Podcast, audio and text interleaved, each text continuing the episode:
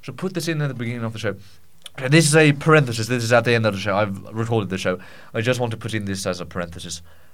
The last part of the show, this may be longer than usual, because I put in a part where I try. This is a b- kind of a behind the scenes thing to celebrate the third episode.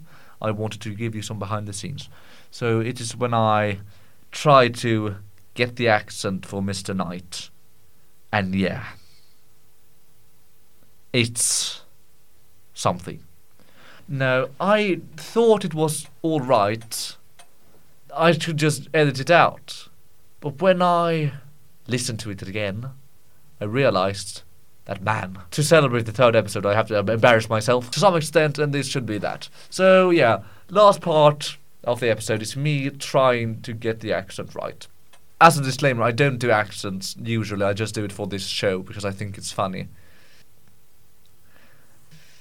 We are officially the longest running podcast on uh, Chasei's Spotify account. So this this is a momentous occasion, of course, and I would have celebrated it if I had prepared for a celebration. I did not. We don't have anything um, prepared. So instead, we'll just continue as usual with this great accomplishment upon our in our mind somewhere, and and and and yeah, we we, we shall be very very proud of ourselves for recording three episodes of Before You Close the Storybook. Apparently, this is a day of celebration for other things as well, because something very weird happened, which I have to celebrate on Before You Close the Storybook. Uh, but I walked by the, the, the police house, you know what that is. When a limousine it wasn't quite a limousine. It was an, but it, it looked as important of a vehicle as a limousine would, and out of it stepped a lot, a lot of uh, big and uh, suited guys. They were a bloody, a bloody army of arms and uh, bloody big and intimidating and they, they, they, yeah, they could definitely kill me. And in the midst of this procession came the prime minister.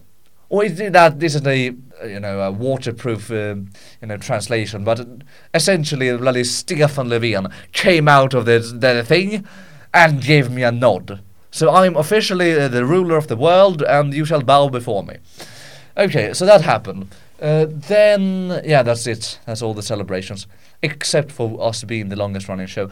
Uh, I don't know if that's a sign of accomplishment or of how I should spend my free time better. Last time's intro was too long, so I'll shorten this one. As usual, this show consists of two parts questions from the audience and me reading short stories.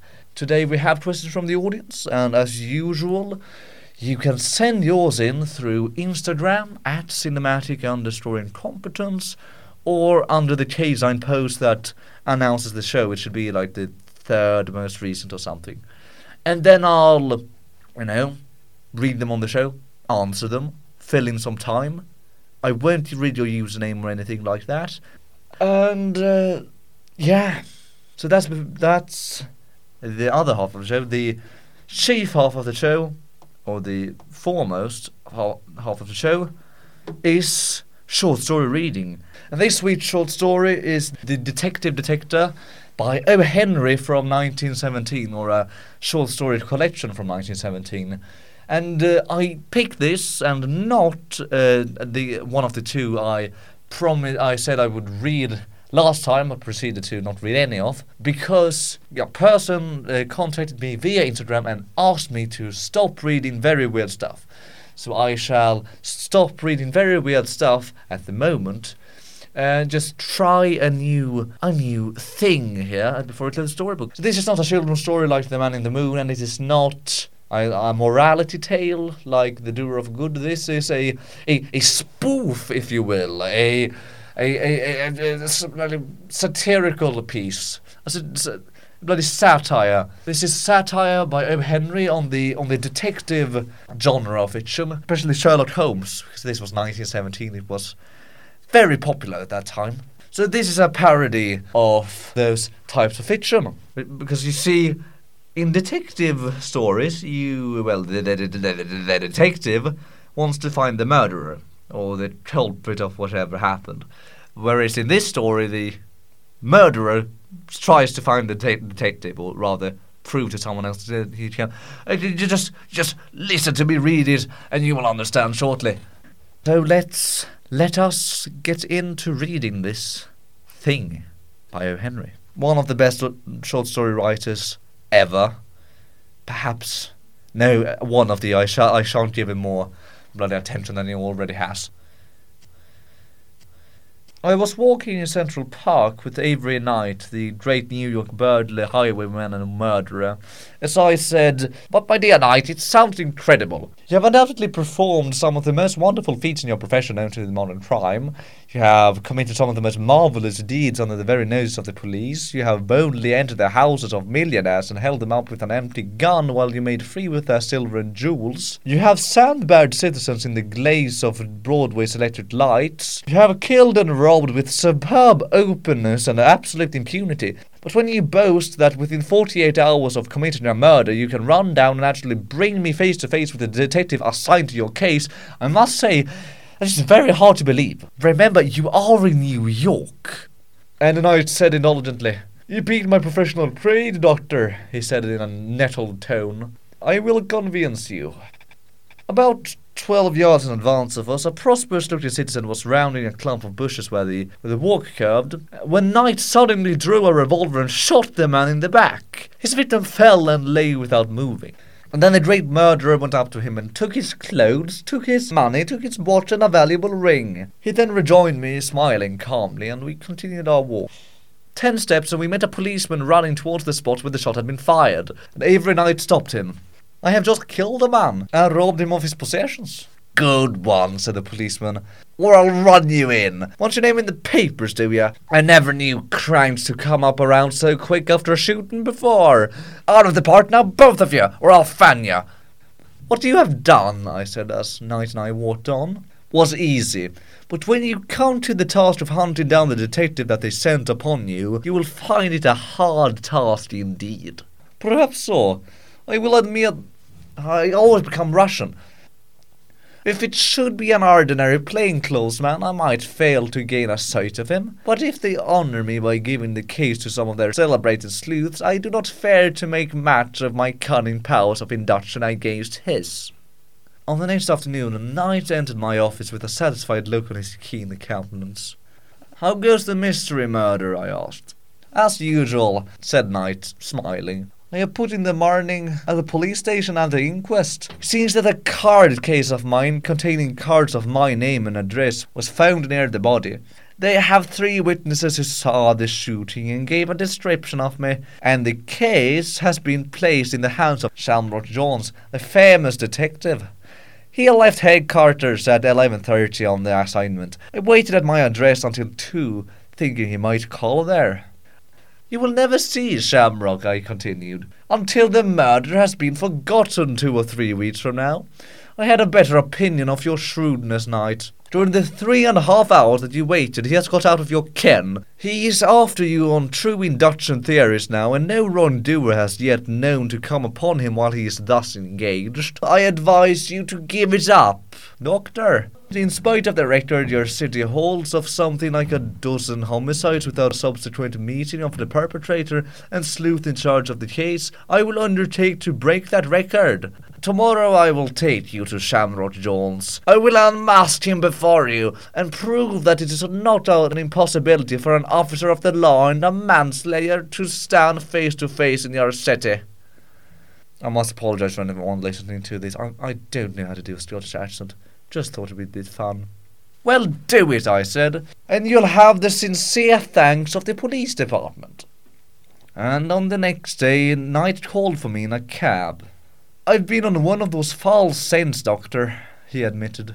I know something of the detective's methods, and I followed out a few of them. It's better to find Jones at the other end. The pistol being a 45 caliber, I thought surely I would find him at work on the clue in 45th Street.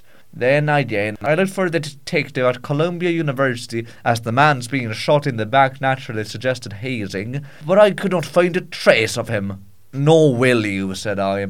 Not by ordinary methods. I might walk up and down Broadway for a month without success. But you have aroused my pride, Doctor, and if I fail to show you Shamrock Jones this day, I promise you I will never kill rob in your city again. Nonsense, man. We're not burglars walk into our houses and politely demand thousands of dollars worth of jewels and then dine and bang the piano an hour or two before leaving. How do you, a mere murderer, expect to come in contact with the detective that is looking for you? Avery Knight had lost in thought for a while. At length he looked up brightly. Doc, he said, I have it. Put on your hat and come with me. In half an hour, I guarantee you shall stand in the presence of Shamrock Jones and I entered a cab with Avery Knight. I did not hear his instructions to the driver, for the vehicle set out a smart pace to up Broadway, turning presently into Fifth Avenue and proceeding northwards again. It was with a rapidly beating heart that I accompanied this wonderful and gifted assassin, whose analytical genius and superb self-confidence had prompted him to make me the tremendous promise of bringing me into the presence of a murderer and the New York detective in pursuit of him simultaneously. Even yet I could not believe it possible. Are you sure you're not being led into some trap? Suppose that your clue, whatever it is, should bring us only into the presence of the Commissioner of Police and a couple of dozen cops. My dear doctor, said Knight a little stiffly, I would remind you, sir, that I am not a gambler. I beg your pardon, but I do not think you will find Jones. The cab stopped before one of the handsomest residences on the avenue, Walking up and down the front of the house was a man with long red whiskers, with a detective's badge shown on the lapel of his coat. Now and then the man would remove his whiskers and wipe his face, and then I would recognize one of the most well known detectives in New York. Jones was keeping a sharp watch upon the doors and windows of the house. Well, Doctor, what have you seen? It is. It is wonderful, wonderful. But how did you do it? My dear doctor, the inductive theory is not what the detectives use. My process is much more modern. I call it the saltatorial theory. Without bothering with the mental phenomena necessary to the solution of a mystery from slight clues, I jump at once to the conclusion. I will explain to you the method I employed in this case. In the first place, I argued that the crime was committed in New York City in broad daylight in a public place and under peculiarly atrocious circumstances, and that the most skilful sleuth available was let loose upon the case. And as the most skilful sleuth available was let loose upon the case, the perpetrator would never be discovered. Do you not think my postulation justified by the precedent? That's not the that's not the precedent. That's the like the clues and so on. Perhaps so, but if Big Bill did stop that, I've heard that several times. It's too late now. I will proceed. If homicides in New York went undiscovered, I reasoned, although the best detective talent was employed to ferret them out, it must be true that the detectives went about their work in the wrong way and not only in the wrong way, but exactly the opposite from the right way. That was my clue. I slew the man in Central Park. Now let me describe myself to you. I am tall, with a black beard, and I hate publicity. I have no money to speak of. I do not like oatmeal, and it is a one ambition of my life to die rich. I am of a cold and heartless disposition. Disposition means uh, character. I do not care for my fellow men, and I never give a cent to beggars or charity. No, my dear doctor, that is the true description of myself, the man whom the shrewd detective was to hunt down. You who are familiar with the history of crime in New York of late should be able to foretell the results. When I promised you to exhibit to your incredulous gaze the sleuth who was set upon me, you laughed at me because you said that detectives and murderers never meet in New York. I have demonstrated to you that the theory is possible. But how did you do it? It was very simple. I assumed that the detective would go exactly opposite to the clues he had. I have given you a description of myself, therefore he must set to work and trail a short man with a beard who likes to be in the papers, who is very wealthy and is fond of oatmeal, wants to be poor, and is of an extremely generous and philanthropic disposition. When thus far is reached, the mind hesitates no longer. I conveyed to you at once to the spot where Shamrock Jones was piping off Andrew Carnegie's residence. Knight, said I, you're a wonder. If there was no danger of your reforming, what a round man you'd make in the nineteenth pren pren precinct presin precinct precinct precinct. Here's the word I'm trying to pronounce. Precinct. Precinct. Precinct. Okay, thank you, Google Translate. My. Uh, yeah, okay.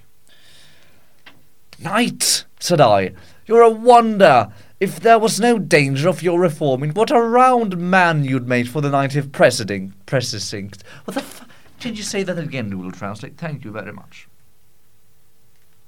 Precinct. Precinct. Precinct. Precinct. Knight, I said, you're a wonder. If there was no danger of your reforming, what a round man you'd make for the 19th precinct. Precinct. I'm so fucking good. And that's the end of it.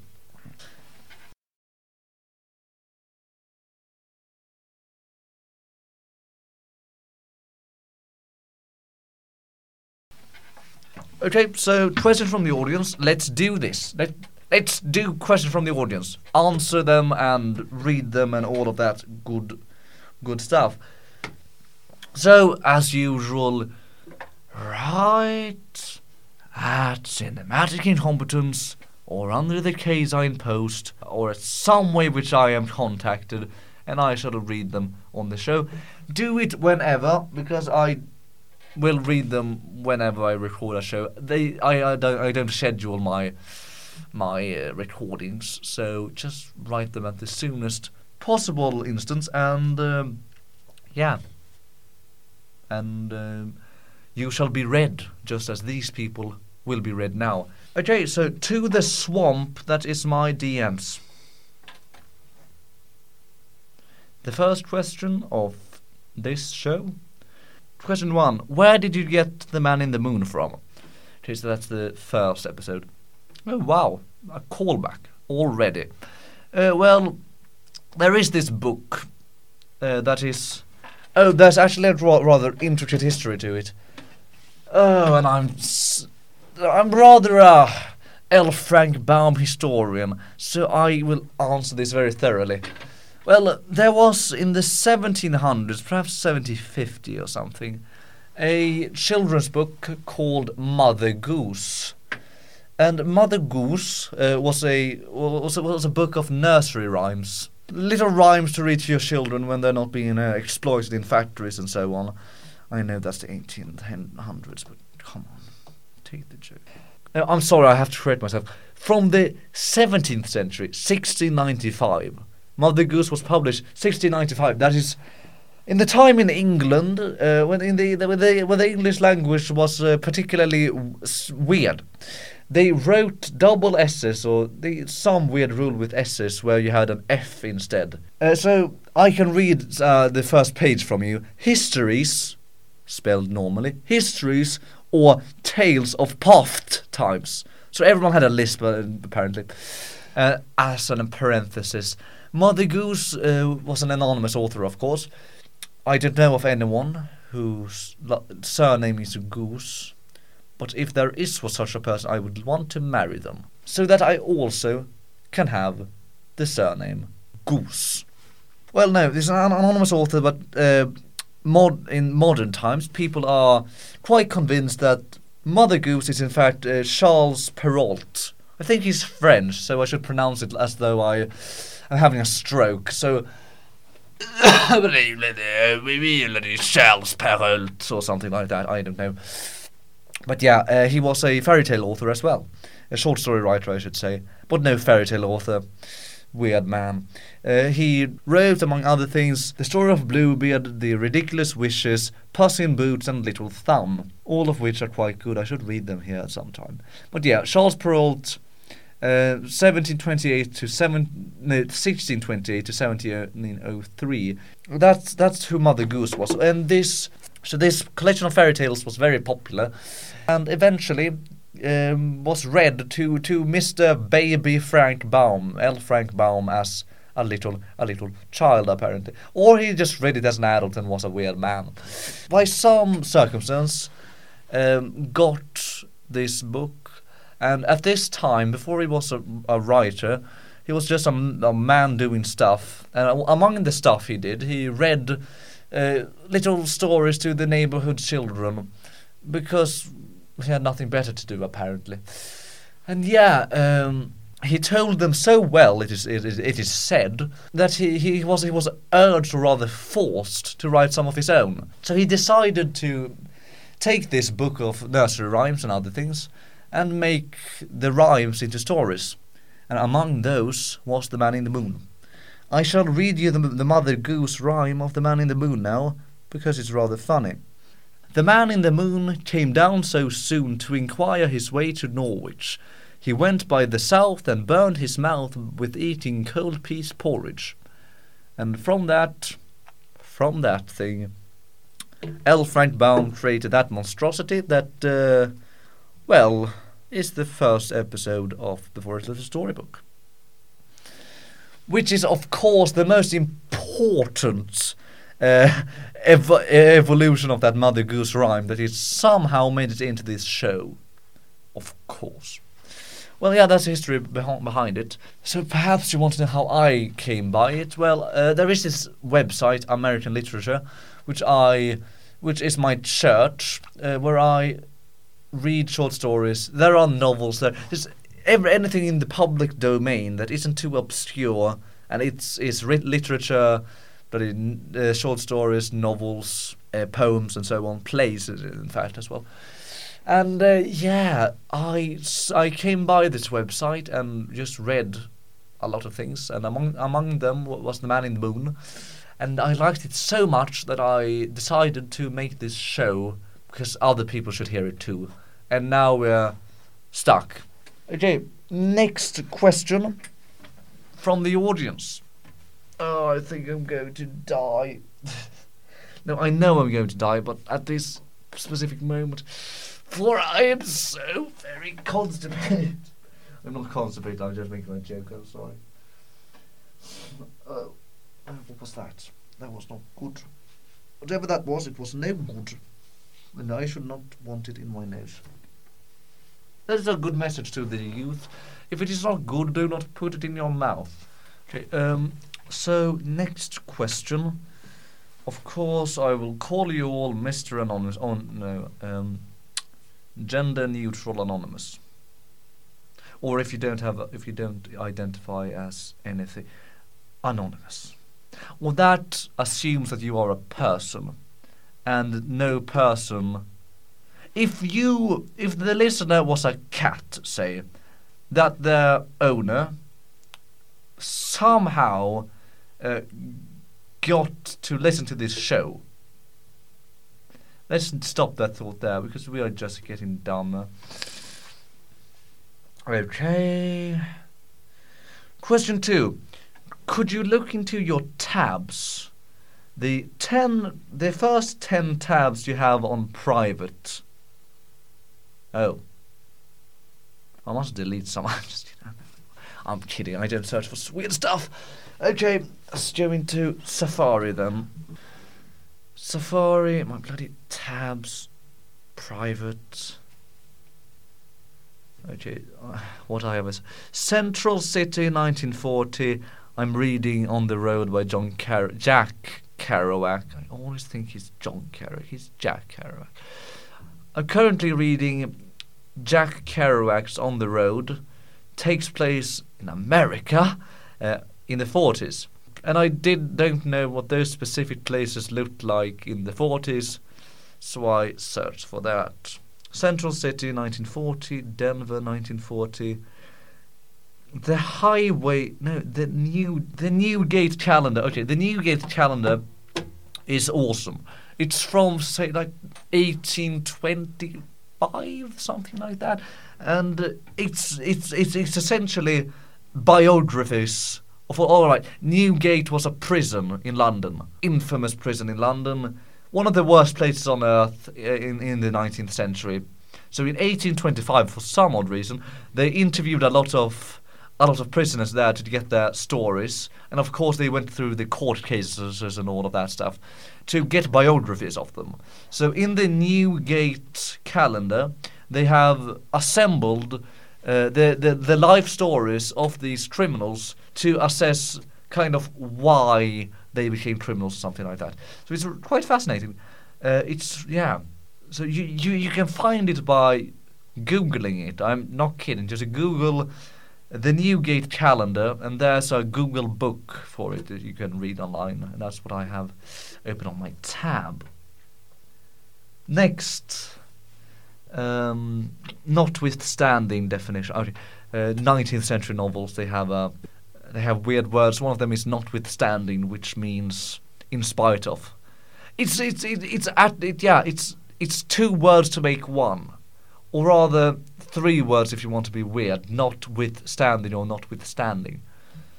And it's it's just too long, and I see it all the time, so I just wanted to define it. Notwithstanding means in uh, despite. So notwithstanding my lack of personality, I made a podcast. Okay. Next, Franz Kafka, H.G. Wells, Anton Chekhov. Just authors. I just wanted to read about them. Two, three, four, five, six, seven. Only three left. Okay. Oh, good. G- very good that we are not on the 11th. Because then you would see how very stupid I am. Okay. Next one, George Saunders, sh- short stories. Uh, George Saunders is a modern short story writer who who I uh, who I've contacted uh, about about stuff, about short stories in general. And uh, before contacting him, I w- and I, I emailed him before I kind of read any of his stuff. I just knew he was a famous famous short story writer, so I just wrote to him. I just wrote to him about short stories. Then he said, "Oh, thank you for your email. Just uh, my latest book was about just the thing you you asked about." So read that. And of course, in the beginning of the email, I have to call, I called myself a huge fan, and I didn't know he had just published a book about the bloody subject I just asked about. So I'm rather embarrassed right now. Okay, that was that. Uh, next, uh, yeah, I searched for 1001 Nights Wikipedia. Uh, 1001 Nights, you must have heard of it. It's a it's a short story collection uh, from it's uh, uh, very old like Arabic short stories, uh, famous famous ones in 1001 Nights. It's celebrated, uh, and I haven't read it yet, so I figured I should, and wanted to know what it was about. Uh, yeah. Oh, and the last one is Indiana University's digital archive. Indiana U- University has th- this di- digital archive of bloody shows from the like 80s, one from the 40s. Uh, it's called The World We Want. Then from the 80s, there are all sorts of things. One of them uh, was a show called Teletales, which is a person telling stories and another person animating them. This was the 80s, so it looks quite terrible. No, it looks. I'm just kidding. It looks good. It's uh, the, the, the, the like chalk paintings on there, chalk drawings or whatever you call things created with chalk. And yeah, that's what I wanted to watch. The Teletales.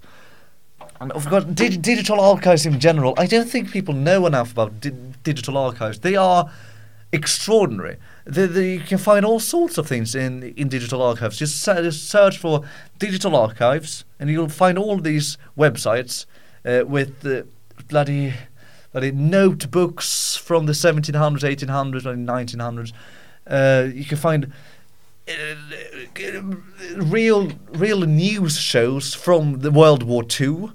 That's interesting. You can find all sorts of documentaries from that time that's now in the public domain, pictures, mo- um, short short short films, longer films. I saw the first ever animation. There was a first ever animation uh, from from about from about I don't know very early 1900s. It was the creepiest thing I've ever I'd ever seen. And all to be found in a digital archive. So if you have nothing to do, which you probably don't have when you're listening to this show, um, go to a digital archive, just browse among there, and yeah, you will find all sorts of treasures hidden in the interwebs. Okay, next question. Okay, next question from Anonymous idea. This is not the same person, I'm just calling them Anonymous because none of them wrote slash you under their posts, or questions rather, and so I keep them anonymous. If you want me to read your username for some odd reason, just write slash you and I shall, or just you, the letter U that is under the post. Oh, bloody question, I'm sorry. Okay. This person asked, "Did you have any segments in the show that didn't make the cut?" Okay, didn't make the cut. Um, I had an entirely different show which did not make any sort of cut. It was called uh, the Saltwater Well. Uh, I, I have a purpose behind that weird name. Uh, saltwater because dry humor, dry everything water, salt water, yes, dry human, dry everything. Well, because a well is what's in the very olden times when people taught us this, uh, gathered around the wells to, you know, chat, to, um, get news, tidings as they called them at that time, and drink some water or get some water to drink. And I and because this was a news podcast, I thought that was very clever. The saltwater well, because haha, uh, well that people gather around to get news that is of salt water because I have dry humor. But it turns out uh, there are very there's very little news in this. It was supposed to be a school-oriented uh, news podcast, but there is very little going on in school. no, there is quite a lot but not enough to fill a whole podcast. And then it turns out that the uh, the bloody bloody commit no the union student union uh, handle news quite well. And because I would only do a show once a week, the, the news would be finely aged indeed. So yeah, no, I didn't do that. So that uh, whole show that, that didn't make the cut. So uh, show and this show in spe- particular. I didn't make it. There was a there was, there was a charade segment. For some reason, um, the people who listened to that show thought half an hour of wasn't very was very entertaining. Uh, so yeah, aggressive hand movements don't don't do much, um, unfortunately. So I, I, I had to cut that part out. I'm very sad about it. I did want to have a charade segment because I never lose at charades. See, I don't lose at charades because this is a uh, yes. Oh, I, oh yeah, this is a good. This is a good. This is some good advice because if you play, I only play charades uh, with my cousins who are quite young because nobody above the age of what eight is sensible enough to want to play charades. Uh, so yeah, the because they're on because they're like what seven, six or something like that they don't know things. So I can pretend to be a pterodactyl, and they have no bloody idea what I'm trying to do. That's very funny. And of course, uh, when they try to do something, because they're like seven years old, uh, either they, they, they can't come up with anything to, to, to pretend to be, because they don't know what anything is, or they do something entirely insensible, entirely insane, and then I I in, I uh, add, added this rule that you have to have a sensible thing to pretend, well, to to, to pretend to be, uh, in order to get any points at all. So because they couldn't motivate their, you know, aggressive hand movements, uh, I I always win. So I'm so bloody good at charades. If anyone wants to challenge me in charades, if anyone dares to challenge me in charades on this show, don't. Okay, next question. Uh, see, question four. Question four. Do you have any pre-show preparation? Yes, This is a good. This is a very good question. I have pre-show preparations. Uh, what that means that I prepare myself before doing the show. What I like to do before doing a show is I, uh, I, I, I, I am very loud. I try to be very loud because naturally I'm not very loud. So I, I just barrage myself, say and they're just spouting all sorts of vile.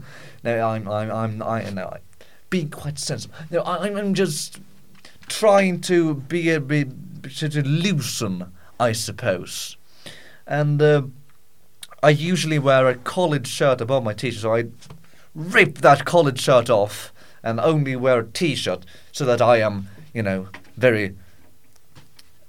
I don't know. I'm very relaxed, of course.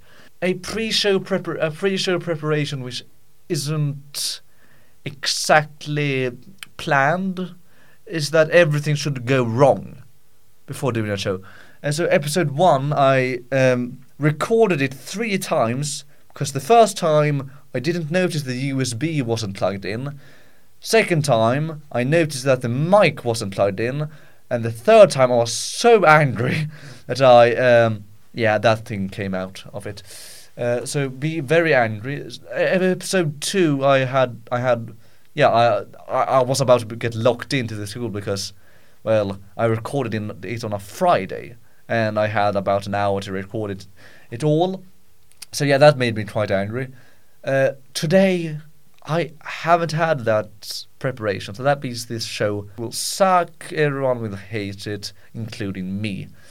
Yeah, so that's the behind the scenes preparation, and of course, it's choosing the short story. I I just read a bunch of short stories and take note, just note them in a document. Uh, which ones are, as I call them before you close the storybook, potentials things I should read on before I close the storybook, so I don't forget them. Okay, I think this is a. So I think that is enough for this show. And that's it. Yeah, for those of you who are interested in me, you know, going insane before reading the story, this is me trying to, you know, practice the Scottish accent for for the det- detective detector. As you will see, it is disturbing. So viewer discretion is advised. This is me practicing. I think I shall be checked into some asylum after this. Okay. Um, the Ruski accent did not work, so we shall do a Scottish. But the Scottish people, how do they talk? They talk like Shrek. I haven't, I haven't watched Shrek enough in a long time. They talk about onions. Do Scottish people have a an acute affinity for onions? Scottish people, what do Scottish people do? We we we get conquered by William the Conqueror and conquer back our land, for we are Scottish people, and that is what we do. Well, people call people say to Scottish people, "Oh, you Scottish person, there isn't anything to do in Scotland but to get depressed." And of course, I think that is rubbish, or rather, as the Scottish would call it, not true. In Scotland, there is much to do. We we dress in kilts to accentuate our station in in the world. For everyone wears pants but us, and that, if anything, summarizes our land. None of us wear pants. Oh, those bloody pants. Once upon a time we wore pants. The bloody British forced them upon us. But when we were liberated in the great year of 1147, we decided to never again wear pants. So, of course, every day I walk about pantless, as do my brothers and sisters. For we are Scottish and very nationalist. Oh no, not nationalist. We are very we're not that nationalist. For we are not like those mainland Europeans who who are thus. We are not nationalists. We are very much not that. Ah, I should just practice it. Okay. Bloody a kilogram of steel. Which one is heavier? A kilogram of steel or a kilogram of feathers? That's right, a kilogram of steel. 'Cause steel is heavier than feathers. Of course. As I'm a Scottish man, I do not know the the, the intricacies of, of weight or the distribution of it. Of course, for I am a shepherd who does not care for these things, these scientific stuffs. Instead, I, I, I sit in the meadows and ponder the greater complexions of sheep reproduction. Of course, for I watch it every day, and every night I dream about it. Of how the sheep so intricately reproduce. And when I look over, over the meadows, upon the sheep that graze, I can only think of how they will graze in the night to come.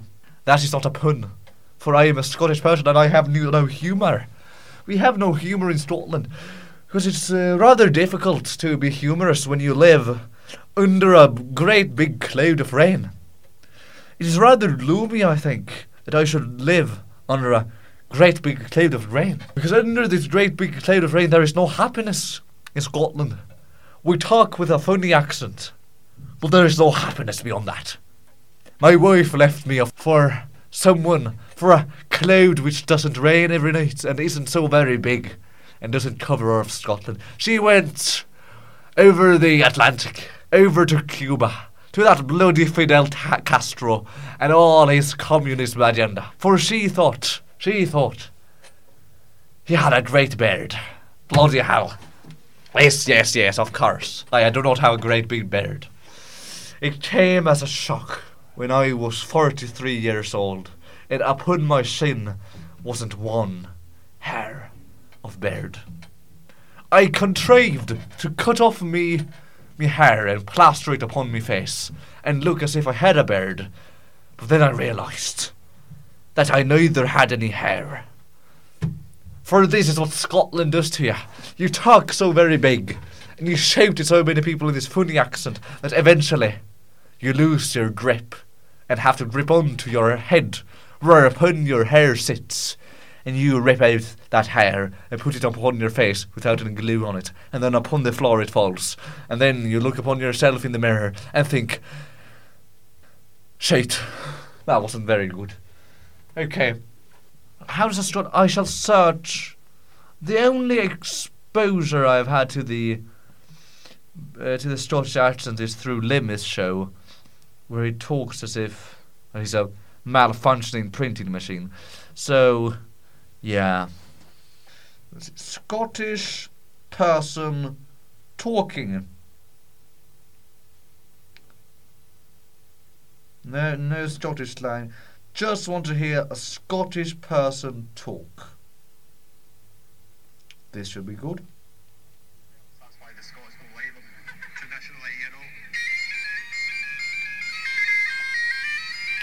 Scottish why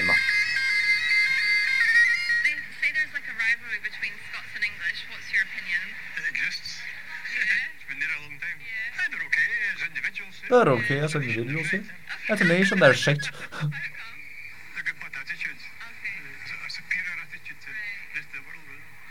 A, superior attitude to the lesser, the rest of the world. Okay, let's go on a rant about the bloody English. First of all, they drink tea. In Scotland, we do not drink. For our water smells of feces, and our cows don't produce milk. We do not have any water but from the sky. But if you look up at the sky, try to drink. Upon ye casts you a bloody lightning bolt. Thus happened to me son Jimmy when he was out drinking. He looked up at the sky to drink. And no sooner had he looked up to the sky to drink when Zeus said to him, Oi, do not drink. He asked, Why can I not drink? For I am Scottish and I cannot drink anything but the rain.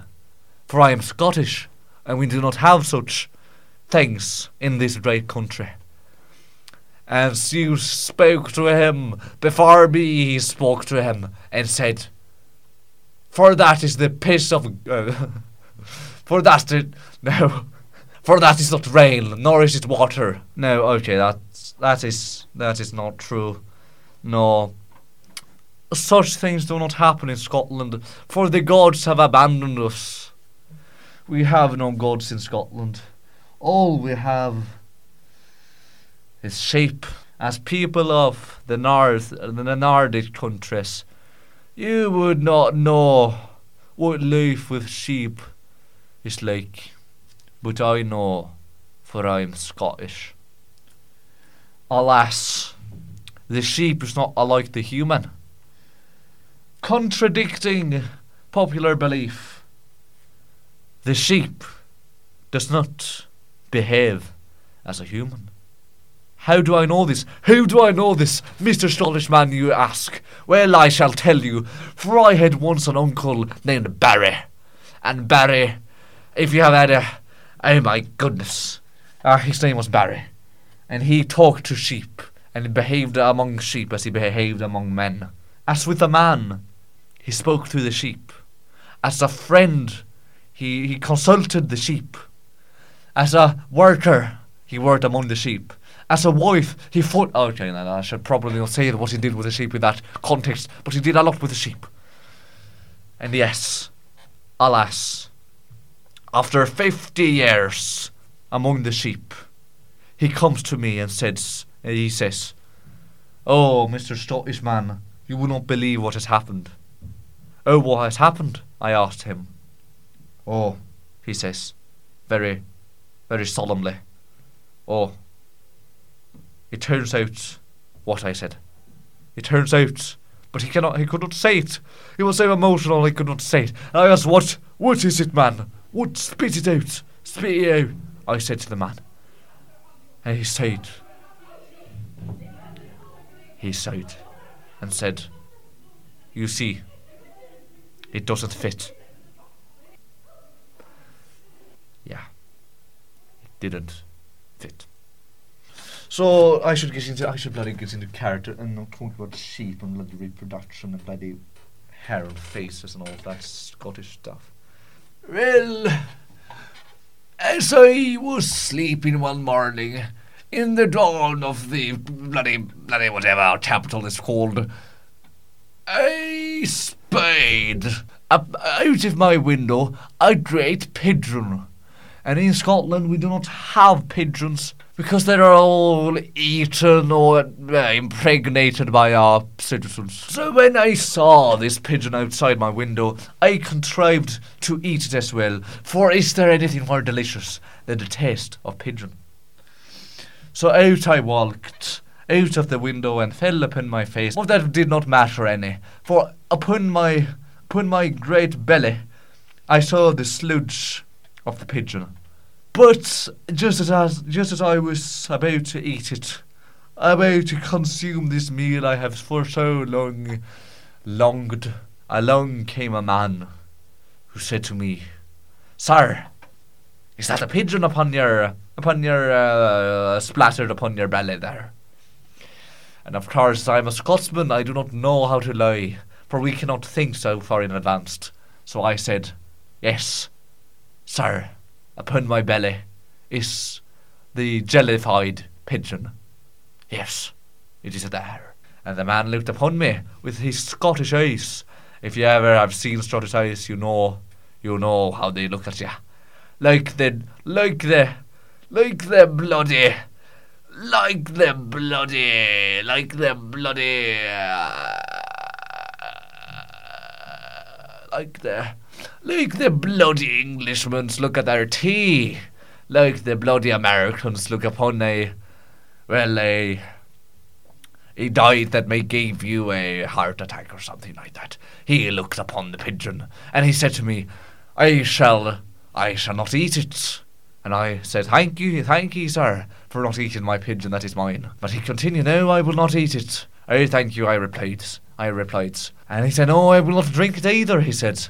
And I replied, Oh, well, thank you. He said, No, I, I shall snort it. I shall snort that bloody pigeon. And I said immediately, No, sir, you may not snort this bloody pigeon, for it is my pigeon, for it is upon my belly. But no sooner had I said that, when the man got upon my belly and snorted it up. And there, I had no pigeon left. Yes, and that is not the end of the story uh, uh, either. For I walked home. I walked to my home, to my wife, only to see that she had started to rot. For of course my wife is a bloody potato. But I walked home to my wife and children, and I said to them, I says, I lost my pigeon, some guy snorted it up. And no sooner had I said that, that my wife said that she would leave me for the man who had snorted my pigeon. But I wasn't so sad about this, for I am Scottish. And we either we have no wives, or we have. Oh no, we're not married in Scotland. That is another thing. We are not married in Scotland, for nobody wants to, you know. No, I don't know what I'm saying anymore. Let's just try to read the bloody thing. What is his name? His name is like King Knight. No, his name is Knight. So my name is Knight, and I come from a noble family, which is why I was christened Knight and not peasant or something else. I think peasant is derogatory at this time. Perhaps it is. Aye, aye, aye, aye. In Scotland, there isn't much to do. When you're but a 14 year old lad in Scotland, as I was once upon a time, you decide to yourself, this is not a good place to live. I bloody hate this place. So, as a young boy of 47, oh, of 47, I, I was upon my, my, my, my post in the Scottish countryside and thought about, oh, this is a gossip. Oh, yes, no, okay. Okay, okay, okay. We feed our sheeps with a great hide of the of the something, for we do not know its name. I once had an uncle named something with an S somewhere in the name. And in the manner of all Scottish people, he did not wear pants. But unlike me my brothers, sisters, father, mother, and all of those who came before, he did not wear anything below his kilt. So, of course, everyone was greatly uncomforted by his presence, and we resolved to force upon him a great sheep to sit upon. And when he says, oh, ah, that is bad. What do Scottish people say? Scottish people say, if ogres are like onions, then what is a Scot? A Scot is akin the shite. A Scottish person, do they talk like this or do they talk like this? We do not yet know. For Scotland is akin the ocean and never ends and is ever undefined. We are a breed of person who talk as if we have been dropped on our heads and who con and who forget what we were about to say. I to talk like a Scottish person, one needs an aneurysm first. Then how does one get an aneurysm but to live in Scotland? For have you seen?